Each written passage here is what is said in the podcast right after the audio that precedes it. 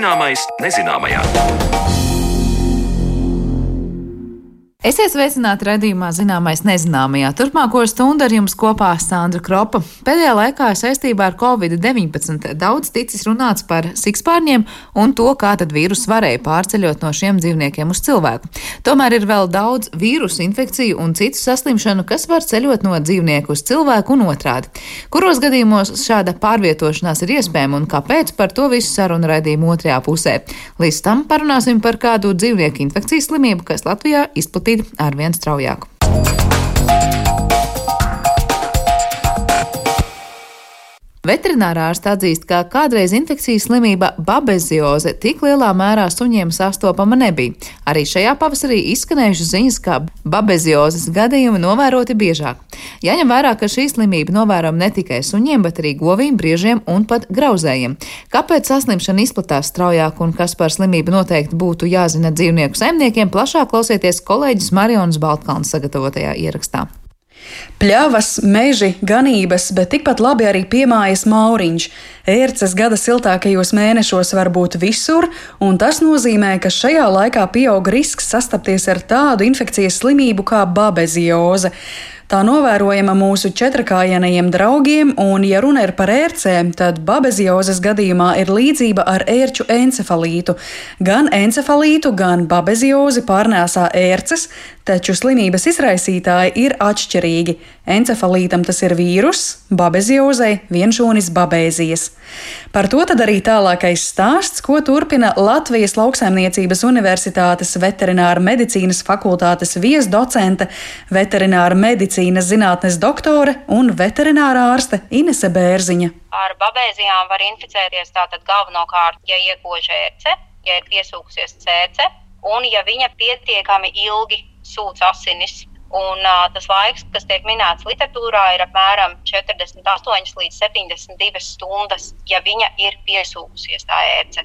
Tās ērces, kas pārnēsā suņiem bīstamās babēzijas, Latvijā viņas ir konstatētas gan Miksodas rīcinus ērcēs, kas ir um, suņu ērces, gan arī ir jauna ērču suga pēdējā laikā Latvijā parādījusies, un viņas saucās dermacentoretikulātus ērces, jeb pļavas ērce. Un tad šīs ir tās, kas nu, tā visā pasaulē ir tādas klasiskas suņu babeziozes pārnēsātājas. Bet uh, babēziju sugu ir ļoti daudz. Dažas ir teiksim, bīstamas suņiem, citas vairāk inficē grauzējus vai, piemēram, briežus vai cilvēkus. Tās ir dažādas babēziju sugas.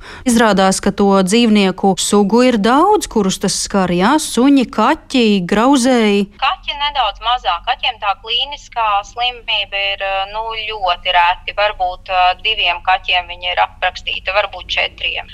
Bet uh, suņiem pilnīgi noteikti ir ļoti aktuāla. Uh, cilvēkiem mazāk. Latvijā pirmo reizi babezioze tika aprakstīta um, kā nu, tāda klīniski nozīmīga slimība 1927. gadā govīm. Un uh, govis ik pa laikam vēl Latvijā tomēr paslimo, bet nu, mums īsti nav skaidrības, cik bieži tas ir un cik daudz Un, uh, tas ir viens no varbūt nākotnes plāniem, ko mēs arī gribētu noskaidrot. Ja runājam par vīrusa saslimšanām, tad tām varētu būt vieglāk pārvarēt sugu robežas nekā baktērijām vai vienšūņiem. Tāpēc var būt atsevišķi gadījumi, kad babezioze pārceļo no dzīvnieka organisma cilvēkam, taču praktiski tas notiek ļoti reti. Ir aprakstīti arī gadījumi, ka teiksim, um, infekcija, babēzioze tieši tiek pārnesta, piemēram, uh, slimam sunim sakožot kādu citu suni, vai arī dzēn uh, transplacentāri, kad, piemēram, uh, slima kuce inficē savus kucenus, kas viņai ir dzemdē. Bet nu, tie ir ļoti reti gadījumi. Un arī dzēn, ir aprakstīts, um, ka asins donori arī ir viens no veidiem, kā var inficēties. Jo um, ja šis um, suns, kurš tiek izmantots kā asins donors, ir bez klīniskajām pazīmēm un viņš netiek iepriekš izmeklēts, tad uh, nu, tas slimais suns, kuram tās asins tiek pārlietas un kuram jau tā ir slikti, un tā imunitāte varbūt ir vēl nepietiekamā līmenī, tad viņam ir vēl šis papildus. Risks. Nu, par tām saslimšanas pazīmēm, kā mēs varam novērot, ka dzīvniekam kaut kas nav kārtībā, kā tas izpaužas? Tas ir patiesībā ļoti nu, aktuāls jautājums, jo nekā tāda ļoti raksturīga var arī nebūt. svarīgi šo atcerēties gan ārstiem, gan īpašniekiem. Jo suns vienkārši var būt tāds neaktīvs, savārdzis, viņam var būt paaugstināta temperatūra, viņš varbūt nu, negrib ēst tā kā parasti.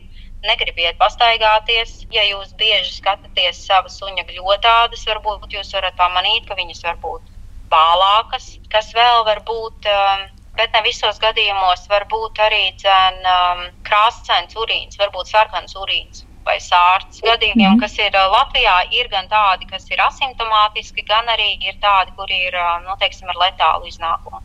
Bet tagad ir jūtams, ka vairāk par to sāk runāt. Tā mana vīzija prātā bija, ka ir klimata pārmaiņas, klimats ir uh, siltāks, ērces neizsalst, un tāpēc dzīvniekiem ir biežāks iespējas inficēties. Tā ir.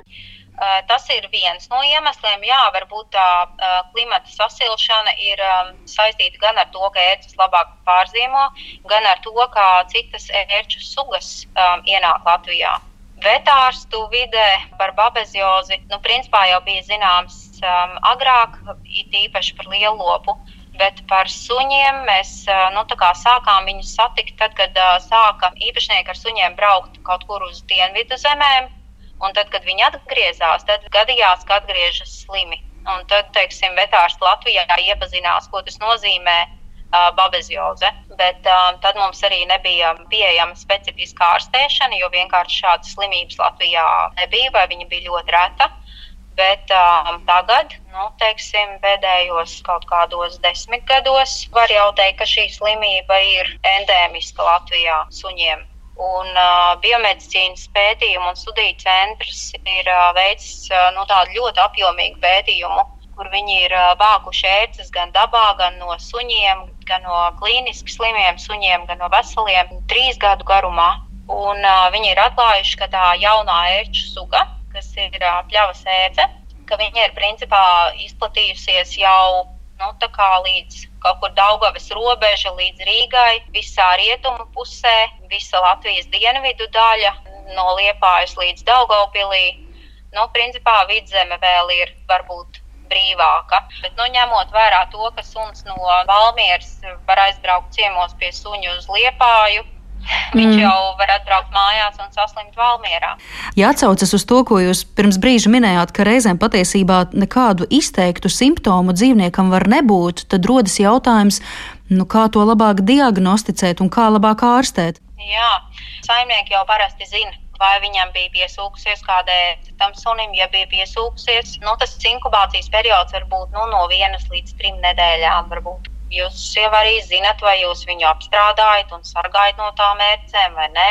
Nu, ja tas ir tāds, teiksim, tas slimības sākums ir tāds izteikts, nu, tad ir cilvēkiem parasti lielāka vēlme uzreiz doties pie doktora. Un uh, klīnikā tad jau ļoti daudziem kolēģiem klīnikās ir arī mikroskopi un asinis var paņemt un uzreiz var arī apskatīties. Un babēzīs var redzēt, viņas ir iekšā eritrocītos. Mm -hmm. Un uh, ir diezgan interesanti tas, ka tās asinis ir jāņem nevis, nu, tā kā mēs esam pieraduši, ka no vēnes, bet uh, nedaudz augstāka jutība tam testam ir, ja tās asinis ņem no auss, jo tur ir mazāki uh, kapilāriņi. Un uh, eritrocītiem parasti ir tāda no abām pusēm ieliekta diska forma. Un tas ir tāpēc, ka viņi ir samērā lieli, ir īpaši suņiem, apmēram 7 mikrometrus lieli.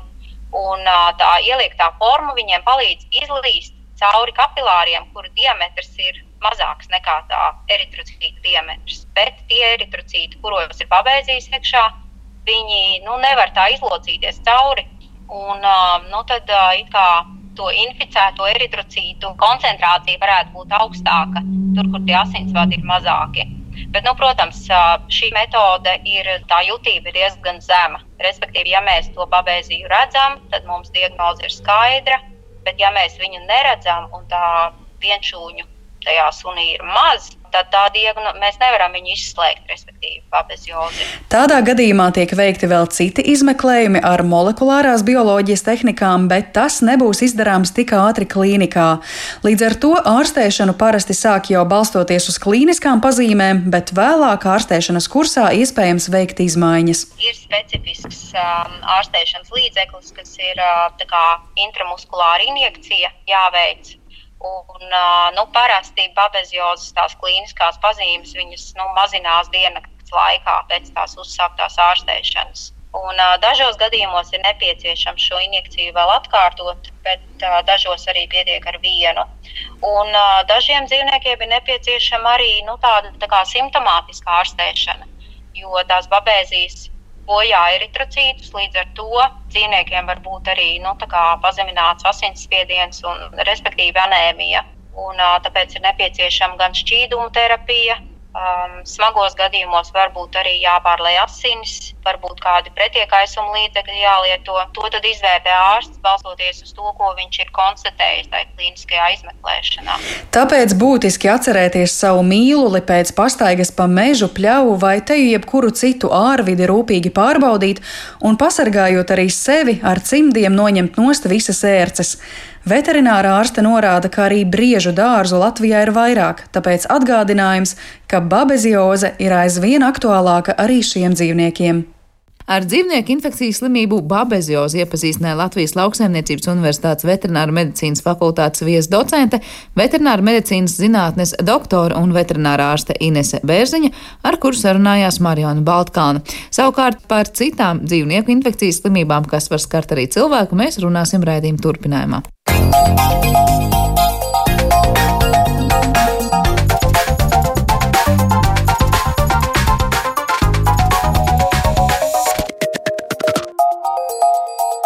Zināmais nezināmajā. Saistībā ar bieži piesaukto koronavīrusu tiek uzsvērts, ka Covid-19 no dzīvniekiem, konkrētāk sikspārņiem, attīstoties un mainoties, ir pārceļojis arī uz cilvēku pasauli. Taču Covid-19 nebūtu nav vienīgā slimība, ko varam pārnest no dzīvnieku pasaules cilvēkiem, un arī otrādi. Raidījuma atlikušajā daļā tad nu parunāsim par to, kā un kādas slimības, vīrusu, parazītu un infekcijas vēl var vienot cilvēkus un dzīvniekus. Un tieši tāpēc atbildes meklēsim kopā ar ārstu infektoloģi Rīgas Tradiņu Universitātes infektoloģijas katedras docentu docenti sniedza laivicumu un pārtikas drošības dzīvnieku veselības un vidas zinātniskā institūta bioru vadošo pētnieci parazitoloģijā Gunita Deksni. Labdien jums abām! Labdien! Labdien. Vai mums daudz vispār skatoties uz tādu lielo, ja tā var teikt, slimību loku, ir tās, kas ir kopīgas ar dzīvniekiem, vai tomēr vairumā gadījumu dzīvniekiem savas, cilvēkiem savas un reti, ka tās kaut kādā veidā savstarpēji savijās? Sniedz varbūt vispirms eh, vārds kā cilvēku doktorim, kurš vairāk skatās arī uz infekcijām cilvēku organismā. Uh, nē, nu, es domāju, ka tādi konkrēti dati varbūt nav, bet ir pilnīgi droši, ka liela daļa, un citur pat ir rakstīts, ka pat ap, ap 60% no cilvēku infekcijām īstenībā ir uh, dzīvnieku ģenēze zoonotiskas. Un pēc Pasaules veselības organizācijas datiem ir tā, ka tās jaunās infekcijas, kas parādās cilvēkiem, apmēram 75% varētu būt no dzīvniekiem nākušas. Tā kā es domāju, ka diezgan, diezgan nozīmīgi. Hmm. Gunīt, varbūt ir kas piebilstams par šo komentāru, vai to, nu, cik lielā mērā dzīvnieks vairāk būs tas starpnieks tikai kaut kur vai kaut kādā brīdī tas ir reālais slimības cēlonis. Nu, man ir pilnībā jāpiekrīt sniedzēji, bet es gribētu pieminēt un droši vien arī uzsvērt to, ka nevis tikai jaunās, un ka mm, Covid sakarā mēs domājam par daudz ko jaunu, Bet ir jāatcerās arī par vecajām, eh, par vecajām invāzijas un infekcijas slimībām, kas arī liela daļa nāk no dzīvniekiem. Tā kā tas, ka Covid nāk no dzīvnieka, tas nav nekāds jaunums. Tas, tas ir man šķiet jau diezgan normāls un zināms un fakts, pret ko mums ir jāizturās ar pietātu vēl joprojām. Ja jums būtu jāraksturo, nu, kuras parasti ir tās slimības, kas šādā veidā no dzīvniekiem līdz mums atnāk, tā būs kaut kādas vairāk vai mazāk līdzīgas infekcijas, vai katrai tur tā sava daba būs pilnīgi citādāk?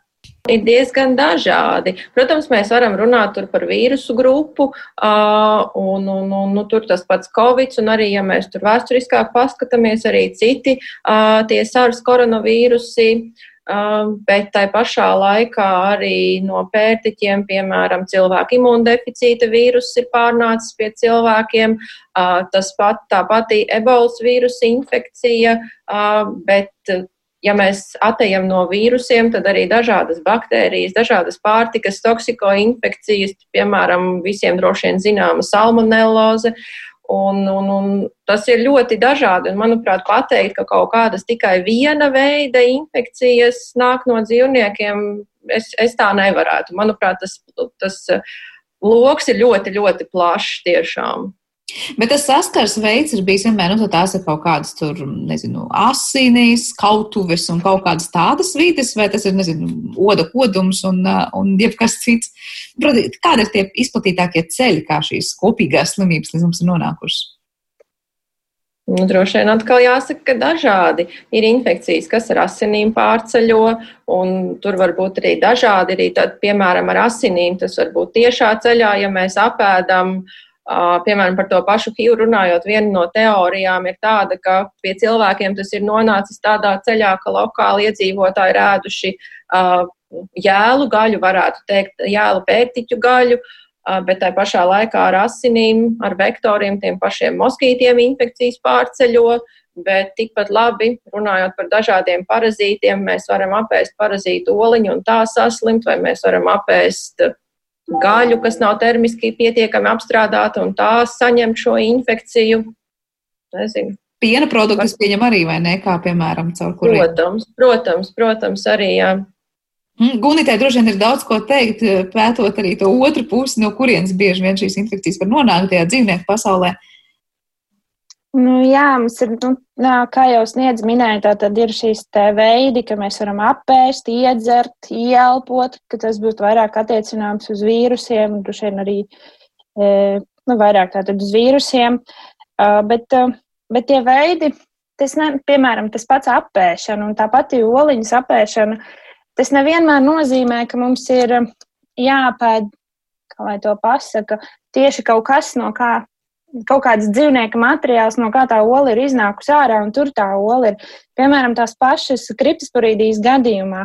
Jā, lielākais saimnieks ir lielops. Lielops ir tas, kas viņu visvairāk ārējā vidē izplata, kontaminē, bet tas ne, un, un, un šis parazīts tātad ir tas, ko mēs apēdam. Viņa galvenais invāzijas avots ir ap, pārtiks produktu apēšana, tātad kontaminēta. Bet tas nenozīmē, ka mums ir tieši jāpēr, nezinu, ābols, uz kura ir lielopa fekālijas, kas ir invadēts ar šo uh, parazītu. Tas nozīmē, ka, ka patiesībā tas, ka tie lielopi ir tik ļoti labi saimnieki, viņi ar savām fekālijām tātad šo parazītu ir izplatījuši visur apkārt vidē, tas viss ir nonācis gruntsūdeņos, vai tas viss uzturas kaut kur uh, augstnē, piemēram. Un, attiecīgi, mums nav vairs tik ļoti nepieciešams tas, tas tiešais kontakts ar to dzīvnieku, jo patiesībā jau vide un ūdens jau ir piesārņot. Un, tiecīgi, ja mēs nomazgājam šo ābolu ar, ar netīru kontaminētu ūdeni, attiecīgi tur lielops pat nav tieši mums blakām, bet mēs varam um, dabūt un tikt pie šī parazīta, piemēram. Tā kā tie ceļi ir ļoti dažādi. Ir ļoti Jā. interesants gadījums, jo šobrīd mums abas sarunas dalībnieces patiesībā ir pētījuši vienu to pašu parazītu tikai no divām dažādām pusēm, ja tā var teikt. Ir stāsts par bieži piesauktiem ehinokokiem. Es zinu, kas niedz to ir pētījis, kā, kas notiek tad, kad tas jau ir cilvēka organismā, un savukārt Gunita vairāk par to, kas ar tiem notiek, cik daudz mums to ir vidē un kur tie ir. Varbūt jums abām došu vārdu, nezinu, kā sadalīsiet, kuru pirmā, kur otrā. kas tas īsti ir un cik izplatīta slimība tā ir Latvijā, kā tā izpaužas? Ehinokokoz, laikam, ja nu sniedz, varbūt sāksim ar to, ka cilvēkiem saprotamāk, kas tas ir, kur tas dzīvo un kā izpaužās. Um, jā, nu tā tad ehinokoks, tas ir uh, parazīts, ko, nu, kā jau mēs te pirms tam runājām, nu, faktiski mēs apēdam oliņu. Un īstenībā ehinokokam cilvēks nemaz nav īstais saimnieks. Mēs esam nejaušs starpsaimnieks un īstenībā tāds neveiksmīgs, varētu teikt, ehinokoka strupceļš patiesībā. Bet tas nemazina to, ka, ja tomēr viņš iekļūst un mūsu imunā sistēma no viņa netiek galā, ar viņu netiek galā, tad diezgan nopietnas saslimšanas var attīstīties. Un uh, domāju, ka par to jau sabiedrība ir biedēta vēl un vēl. Bet, protams, dažādi veidojumi aknās, un kā mēs zinām, ka, ja aknās ir daudz veidojumu un aknas vairs nespēja pildīt savas funkcijas, tas, diemžēl, bieži vien nav savienojams ar dzīvību nemaz, jo aknas ir tāds orgāns, kuru aizstāt, kura funkcijas aizstāt mākslīgi nav iespējams. Bet, eh, nu, tā kā aknas ir pirmā aizsarga līnija mums pret dažādiem patogēniem, nu, tad aknas no ehinokoka ir, protams, visbiežāk skartas, bet tai pašā laikā mums ir pacienti, kuriem ir plaušās un galvas smadzenēs, nierēs, liesā. Mums ir arī bijis gadījums, kad kaul, mugurkaula kauls kriemeļos parazīts ir ticis, un, protams, tās visas citas formas ir ļoti sarežģītas. Atbildēt varbūt uz jautājumu, cik mums tādu gadījumu ir, Tā konkrēti pateikt es nevaru, bet ir skaidrs, ka kopš 2000. gadu sākuma līdz šim brīdim diagnosticēti ir uh, apmēram ap 250, varbūt vairāk gadījumi, bet man šķiet, manuprāt, ne vairāk kā 300 uz šo brīdi. Bet, uh, neapšaubāmi tie varētu arī nebūt visi gadījumi, jo uh, ir da daļa cilvēku, kas pie ārsta iet reti, Un mūsu Latvijas problēma varbūt ir arī tā, ka mēs šos agrīnos gadījumus gandrīz nekad neredzam, jo uh, tas parazīts viņš nokļūst, bet viņš aug ļoti lēnu un liktos, ka nu, mēs taču varam atklāt jau laicīgi. Bet, ja mums ir cilvēki, kas jūtas labi un pie ārsta neiet 10 gadus, 15 gadus un vēl vairāk, nu, tas dod arī laiku šim parazītam augt un attīstīties mūsu organismā. Un pēc tam jau nu, tās jā, ārstēšanas iespējas ir diezgan apgrūtinātas. Cik mazs vai, maz vai liels ir tas parazīts, par kur mēs runājam, tas ehinokoks? Cik mazs vai liels? Um, Protams, oliņi ir ar aci nesaskatām, un arī tās pirmās cistas ir ar acīm nesaskatāmas. Bet man pacients, kurš ir zināms, lielākais perēklis aknās ir bijis apmēram 20 centimetri. Tas tajā, ir diezgan liels. Bet tajā brīdī jau cilvēkam jājūt diskomforts, vai ne? Un jājūt sāpes. Absolūti. Absolūti, protams, un, un tā arī ir varbūt neliela mūsu problēma, ka cilvēks aiziet pie ārsta tad, kad jau ir sūdzības, bet tad, kad ir sūdzības, tad droši vien, ka tas perēklis jau ir ļoti liels. Un viņš jau nospiež varbūt žultceļus, un tad cilvēks paliek dzeltens, viņam niez āda, vai tiešām sāpes kaut kādas attīstās, jo agrīnas formas visticamāk nekādas tādas lielas sūdzības neradīs, un tāpēc ir svarīgi bet tas ir mums valstī svarīgi profilaktiskā medicīna, ne tikai tā novērsošā, teiksim, tā ārstējošā. Bet kādas ir tās diagnostikas metodas tam ehinokokam tajās pavisam sākotnējās stadijās? Nu, tad ar ultrasonogrāfiju droši vien vēl neieraudzīs aknās neko nu, patiesībā nekā labāka par radioloģijas metodēm nav. Jo nu, nekas tāds īsti cits, kam mēs varētu uzticēties, to varbūt Gunita stāstīs varbūt par tām laboratorijas metodēm, jo tās, kas mums Latvijā ir pieejamas, nu, tās antivielu noteikšanas metodas, viņas nav simtprocentīgi ticamas. Un, piemēram, ja cilvēkam nekur organismā nav, nav veidojums, mēs apskatām visu galvu, apskatām plaušas, apskatām vēduru, apskatām, un viss ir ļoti labi, un, teiksim, tajā analīzē ir kaut kādas aizdomas, mēs nepieņemam, ka šim cilvēkam ir ehinokokoze, jo tās antivielas viņas var būt viltus pozitīvas. Un līdz ar to varbūt, nu, varbūt tā ir tāda neliela pretruna, ka pavisam agri mēs nemaz nevaram atklāt. Gunita, par tām metodēm droši vien ir ko teikt, un arī par to izplatību, kur tās visas atrodas. No kura gala lai sāk? Es sākšu ar atbildi uz to, cik liels uh, ir uh, parazīts. Tātad, tad, kad viņš ir pie sniedzes, tad viņš var būt līdz 20 centimetriem vai pat lielāks diametrā. Tad, kad viņš ir manā pusē dzīvniekos, tad viņa pieaugušā izmērs sasniedz 3 līdz 4 mm. Tā kā patiesībā tas, tas, no kurienes tas viss nāk, ir ļoti maziņš eh, pēc savu izmēra.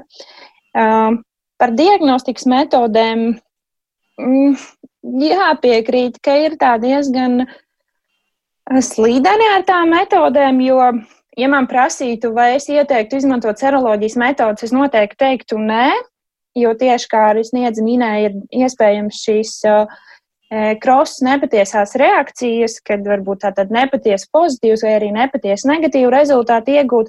Tā kā diagnozes uzstādīšanai vienmēr būtu jābūt kompleksai, izmantojot vairākas metodas paralēli un tiešām apstiprinot. Un pat ja pirmie, ja ir, teiksim, epidemioloģisks aizdoms, ka varētu būt šī invāzija, ja ir nelieli vēl ne īsti diagnosticējami, jau nezinu, ar sonogrāfiju redzami perēkļi audos, tad noteikti, un seroloģijas tests vēl joprojām ir negatīvs, būtu jāveic regulāri, regulāri atkārtot izmeklējumu, lai tiešām nonāktu pie gala slēdziena, tā kā pie, pirmā, pie pirmajiem negatīviem rezultātiem, es laikam neieteiktu padoties. bet nu, arī nekrist nākamajās galējībās. Par to, cik daudz viņš mums ir sastopams, jā, vidē, salīdzinot uz Eiropas fona, mums šis parazīts ir ļoti bieži sastopams. Tātad savvaļā viņa galvenie saimnieki ir lapsas un jenutsuņi.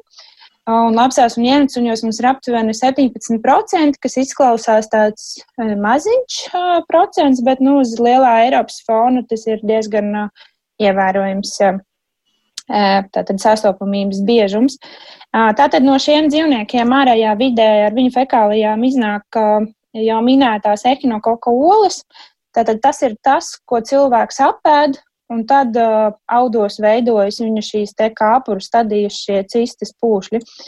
Uh, olas mēs ar aci neredzam, un atkal es gribu minēt to, ka, ja šis parazīts no, no viņa gala saimnieka iznāk ar fekālijām, tas nenozīmē, ka cilvēkam ir jāpēd kaut kas, uz kā tieši, nezinu, pieņemsim, mežā esošās zemē mētājošās ogas, uz kurām ir lapsu fekālijas.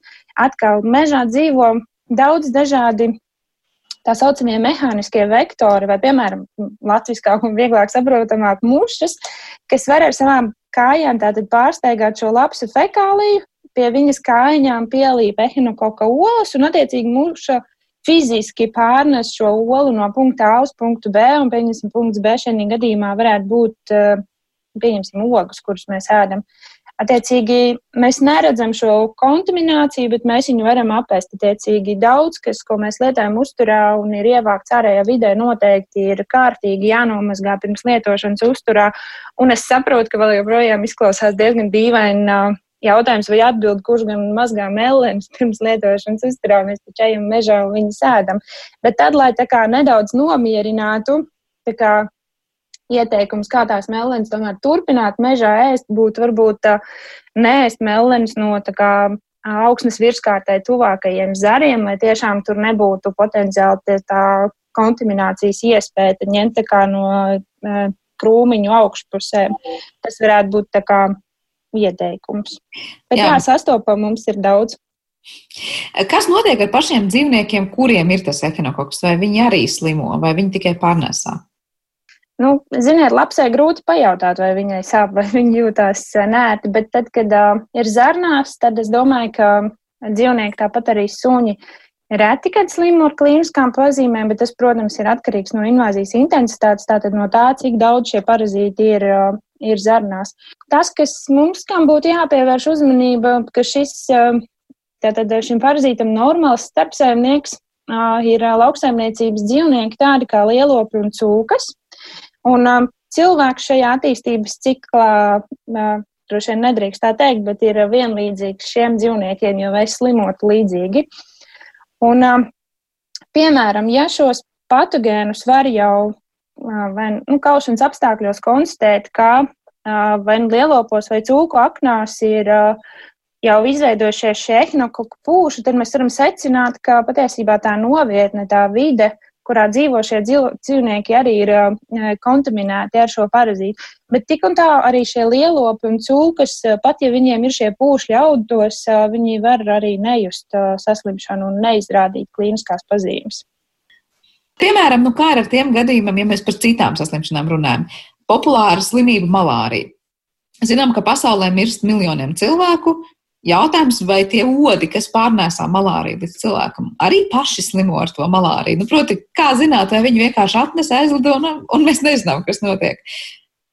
Latvijā šodien, šobrīd arī biorā notiek aktīva pētījums par odiem un tieši invazīvām sugām ar mērķi konstatēt, vai kaut kāda transporta dažādu produktu un cilvēku transporta ceļā mums nav ieceļojušas kādas invazīvās kukaiņu sugas, kas varētu ienest arī invazīvās dažādas Eiropā vēl nesastopamus, nesastaptus vīrusus un citas slimības.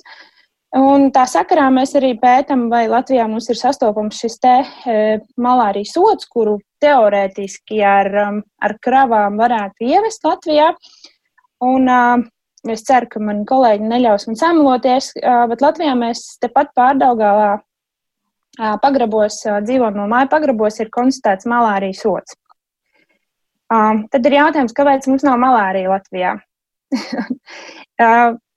es pieņemu, ka ja Tātad malārija ir arī vairākas sugas. Vienam cilvēkiem viena vairāk patogēna, viena, viena mazāk, kas izraisa vairāk vai mazāk klīniskās pazīmes. Attiecīgi, ja cilvēks, teiksim, no skartajiem reģioniem iebraukt Latvijā ar šo mazāk patogēno sugu, invadēts ar šo mazāk patogēno malāriju sugu un aizbrauktu tepat pārdaugavā uz šo pagrabu, kurā ir šie malārijas sodi. Iespējams, ka mums varētu būt kāds sporādisks uzliesmojums, bet uh, pēdējā laika jaunākie pētījumi ir pierādījuši, ka pat tāds um, arī paši malārijas sodi uh, var slimot ar malārijām.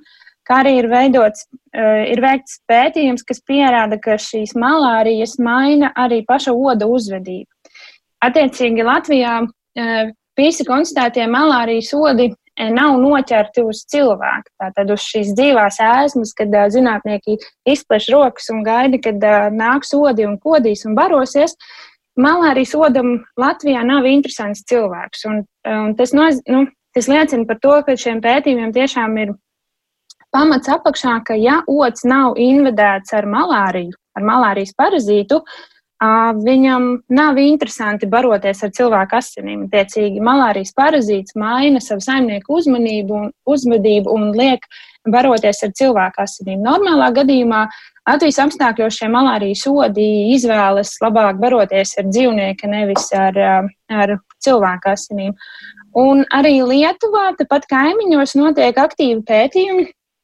Vai jūs zinājāt, ka malārija ir arī putniem? Nē, es visu laiku domāju, ka tā ir tikai dzīvnieki, cilvēkiem. Nē, nē, arī savvaļas putniem, tādiem kā zīlītēm, uzķērājiem, var būt malārija, bet tā ir, protams, cita suga nepatogēnām cilvēkam.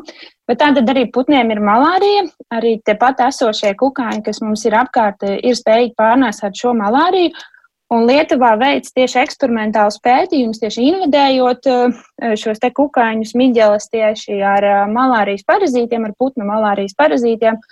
Un viņi tiešām ir novērojuši augstu mirstību, eh, kukaiņu mirstību. Attiecīgi tas liecina par to, ka tomēr tas parazīts eh, nevienmēr veiksmīgi izdzīvo saimniekos, teiksim, ne, nā, patiesībā nevis parazīts, bet ka nevienmēr saimnieki veiksmīgi pārdzīvo parazītu invāzijas, bet arī tā tad šie te kukaiņu vektori pārnēsātāji arī reizēm var uh, iet bojā tieši no parazītu invāzijām. Viņi kļūst par savu veidu galamērķi jau un to pašu īsto saimnieku, pat liekas, tajā brīdī. Jā, neizdevīgi parazītam, bet jā, tā, tā var kļūt. Kā ir ar to otru ceļu, proti, ka cilvēks var būt tas cēlonis, kāpēc dzīvnieks sāk slimot, vai tas tomēr ir tāds strupceļš un tā nenotiek? Nu, te, tā paša Covid kontekstā izskanēja toreiz arī dažādi ziņojumi par to, ka tur vienā valstī kaķis ir arī konstatēts ar Covid un, un, un citur kādi dzīvnieki ir iespējams, ka cilvēks ir cēlonis, kāpēc sāk mājdzīvnieks slimot? Um, es domāju, ka jā. Kāds tur tas mehānisms ir? Nav kaut kāda sugu barjera, kas neļauj tagad slimot ar to pašu, piemēram, kaķim vai sunim. Nē, nu, droši vien par to labāk gunīt, bet es domāju, ka, uh, es nezinu, pieminēt kaut vai to pašu cilvēku imundeficīta vīrusu, uh, viņš vīrus faktiski no pērtiķiem pārgāja uz cilvēkiem, bet cilvēka organismā viņš pārveidojās tik tālu, ka tagad pretējā virzienā, piemēram, cilvēka vīruss vairs nevar aiziet pie dzīvniekiem. Tā kā es domāju, tur ir divējādi varianti. Vai nu tas mikrobs var turpināt ceļot no nu, vienā un otrā virzienā, vai arī viņš, teiksim, tajā cilvēka organismā izmainās tik ļoti, ka viņam tas atpakaļceļš vairs nav iespējams. Bet es domāju, ka teorētiski ir iespējams arī tas, ka varbūt kaut kādā brīdī tas vīrus atkal var mainīties, vai, vai jebkurš mikroorganisms var mainīties. Tā kā es domāju, tas ir diezgan paredzami vai neparedzami, bet uh, nav izslēgts. Es tieši gribēju jautāt, cik tas ir prognozējumi vispār, laikam neiespējami to prognozēt. Man jāšķiet, ka tas ir tiešām neiespējami prognozēt, un tā ir evolūcija. Tā vienkārši ir evolūcija, ar ko mums ir jārēķinās, un kā un kuro virzienā tas attīstīsies, diez vai, diez vai mēs to varam redzēt. Un es domāju, ka Covid mums visiem ir ļoti laba skola, kā mēs redzam, viņš nāca no dzīvnieka, nodarīja lielu postu pārapdzīvotai cilvēku populācijai pasaulē Un ko viņš dara tagad? Viņš tagad metās atpakaļ uz dzīvniekiem, bet uz jau citām sugām. Un, man liekas, cik es esmu lasījusi publikācijas, tad šis ir tas gadījums, kad cilvēks aplipina to kaķi un uh, tās ūdeles, un, ka, ne, un ka no kaķa atpakaļ uz cilvēku jau viņš tā kā nenāk. Tā kā, nu, šis ir tāds, Covid ir tāda ļoti laba skola, jo mēs tiešām redzam, cik ļoti ātri viņš mutējas, kāds viņš bija sākumā Uhaņā izcelsmes reģionos un cik ļoti viņš tagad ģenētiski ir mutējies, cik daudz dažādi celmi atvases. Nu, tas, tas ir vienkārši fenomenāls ātrums, kā šis vīrus to dara. Protams, varbūt lielākiem organismiem, ja es atgriežos pie sev tuvākas tēmas parazītiem, tas nenotiktu tik ātri. Uh, bet nu, vīrusiem, kā mēs, mēs, reāli, mēs reālā laikā redzam, kā notiek vīrusu mutācijas, tas ir, tas ir fenomenāli. Te runājām par gan malārijas sūdu izplatību, gan es pieņemu uz daudzām citām lietām. To arī var attiecināt, kā klimata pārmaiņas veicina to, ka ienāk tās jaunās slimības. Jo, zinot, tie paši šie ehinokoki saprot vairāk uz dienvidiem nekā uz ziemeļiem sastopami. Ja? Jā. Kāds cilvēkiem varētu teikt, jā. nu, ehinokokam tas no sugas vairāk atkarīgs. Bet kopumā, tad, mainoties klimatam, to slimību un ierosinātāju un parazītu skaits aug vai, vai gluži otrādi samazinās? Tur vairs nav tev piemērotu apstākļu. Nu, es atkal man liekas, ka ir, ir, ir gan, gan, jo nu, ir infekcijas, kuras varbūt pirms tam cilvēkiem nebija tik izplatītas. Kaut vai nezinu, pēdējā laikā daudz ir runāts arī par, piemēram, kaut vai zīkas vīrusu infekciju. Ka tas, ka notiek šī globalizācija, kā šie pārnesēji arī, bet tas droši vien ir vairāk gunitas lauciņš par to, ka globalizācijas iespējā tie vektori, tie odi pārnāk tuvāk atkal cilvēkiem. Un varbūt tādas infekcijas, nu, nezinu, arī dzeltenais drudus, varbūt, kuras ir vairāk bijušas dzīvnieku vidū izplatītas, tam odam pārnākot, viņas arī vairāk ir redzamas cilvēkiem. Bet Un es domāju, ka tas, ka mēs nonākam vairāk kontaktā ar dabu, noteikti nozīmē, ka mums ir vairāk infekciju. Mm -hmm. Gunita, kāds redzējums uz to, kas notiek? Par to klimatu nevar tā viennozīmīgi atbildēt, ka, ka palielinās sugu daudzveidība vai, vai patogēna daudzveidība. Es domāju, ka viņa mainās, jo uh, Mainās klimats, tātad mainās dzīvošanas apstākļi šiem patogēniem. Jā, ienāk mums jaunas sugas, bet kaut kas mums izzūd, jo, piemēram, mums vairs nav, vairs nav sniegotās ziemas. Attiecīgi, varbūt ir kādi organismi, kuri, kuriem nu, pārsvarā jau visiem patīk tas, kas mums pie mums notiek, bet, ja runājam, piemēram, par kaut kādiem dienvidiem tālāk, varbūt ir izžūst to, to dzīvnie, eh, patogēnu normālās dzīves vietnes, biotopi, attiecīgi viņiem vairs nav iespēja izdzīvot. Mainās, uh, mainās viss starpsēmnieku un saimnieku klāsts. Tas viss ir ļoti tāds mainīgs. Nevar teikt, ka klimats, jā, slikti ietekmē, jo palielinās patogēnu daudzveidību. Es domāju, ka tas viss uh, ir mainīgs. Šis tas nāk klāt, šis tas pazūd. Un ne jau klimats vienīgais ir vainīgs, tā visa cilvēku migrācija. Mēs jau pat neapzināmies, cik daudz mēs. Kaut vai paši cilvēki iekāpjot lidmašīnā, cik daudz viņi var atvest no vienas valsts uz otru, padomājiet, no, lai pārbrauktu visai Eiropai pār no Latvijas līdz, pieņemsim, Portugālei, tas ir trīs stundu lidojums. Mēs taču tik daudz ko reāli varam aizvest uz turieni, aizvest atpakaļ. Tad visa šī preču kustība, visi kūģi, smagās mašīnas, tas viss kustās, brauc. Tas nenormālos ātrumos mēs paši visādus patogēnus pārvadājam, pat neapzinoties, ka mums ir kādi mm, bezbiļetnieki līdzi somās. Bezbiļetniekus gan mēs ar acis bieži vien nesaskatām. Noslēdzošais jautājums jums abām. Es nezinu, cik sena vispār ir tā izpratne vainot, ja tā var teikt, dzīvniekus pie dažādas slimību izplatības, kas nonāk līdz cilvēkiem. Bet kā ir, nav tā, ka vienmēr un jau ļoti, ļoti sen ir bijusi vēlme meklēt to cēloni tieši dzīvniekos, un dažkārt varbūt pat nepamatoti. Tad vairāk jautājums par to pamatoti vai nepamatoti dzīvnieki ir bijuši vainoti tajā, ar ko slimo cilvēki. Kāda tā izpratne bijusi? Nezinu, šeit laikam atkal ir jāsaka gan, gan. Um, jo, protams, ir. Teiksim, nu, runājot par, par, par infektuoloģiju ar cilvēkiem, var novērot teiksim, arī tādu fenomenu, ka cilvēkiem gribās izskaidrot, gribas izskaidrot savas sūdzības ar kaut kādu infekciju. Un, piemēram, ir cilvēki, kas ļoti pieķeras domai, ka viņam ir parazīti, un mēs viņu izmeklējam šā un tā, un parazītu nav, bet cilvēkam liekas, ka tomēr ir.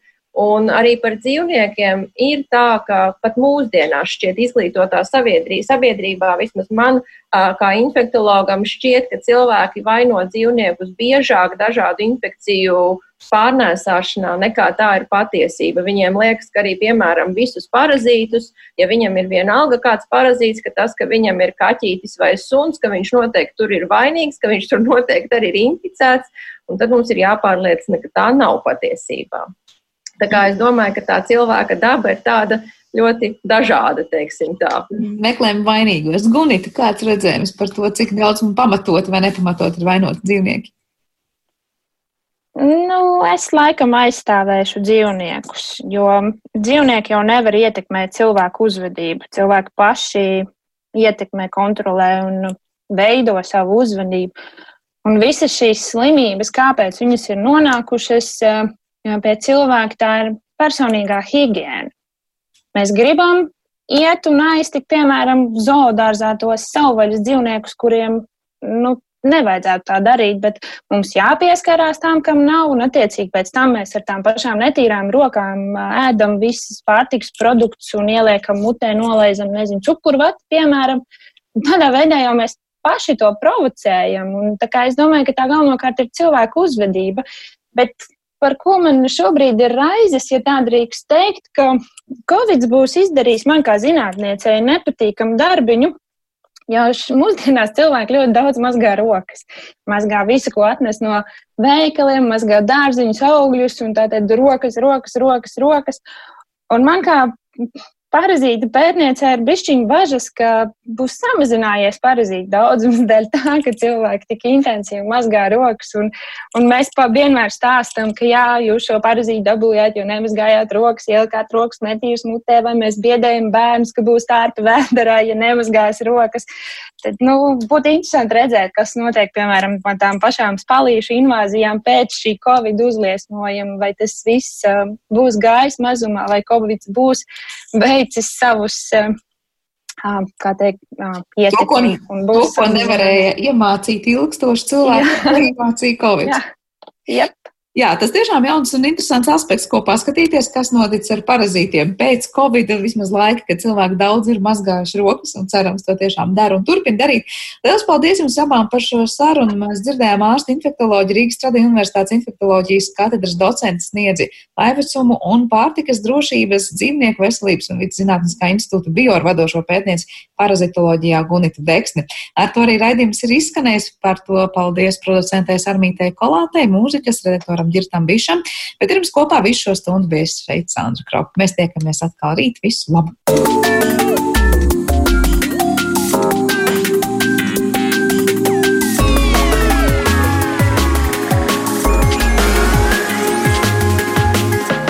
Zināmais nezināmajā.